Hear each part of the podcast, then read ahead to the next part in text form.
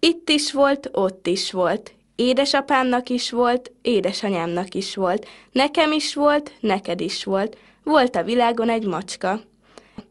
Ez a macska egyszer tejet evett egy tálból. Oda megy egy kisegér, csak nyalogatja, csak nyalogatja a tál szélét. Mondja neki a macska. De bolondozzám egérpajtást, ne nyalakodjál, mert majd bekapom a farkincádat. A kisegér nem hitte, csak nyalakodott. A macska bekapta a farkincáját. Rít sírt a kisegér, kérte a macskát, adja vissza neki a farkincáját, de az nem adta.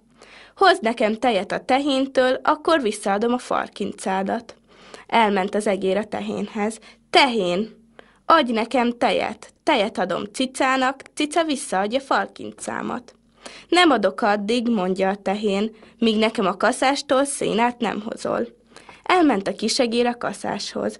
Kaszás, adj nekem szénát, füvet viszem tehénnek, tehén ad nekem tejet, tejet viszem cicának, cica visszaadja farkincámat. Nem adok addig, míg nekem a sütőtől kenyeret nem hozol. Elment a kisegér a sütőhöz. Sütő, adj nekem kenyeret, kenyeret viszem kaszásnak, kaszás ad nekem füvet, füvet viszem tehénnek, tehén ad nekem tejet, tejet viszem cicának, cica visszaadja farkincámat. Nem adok addig, mondja a sütő, míg nekem a disznótól szalonnát nem hozol.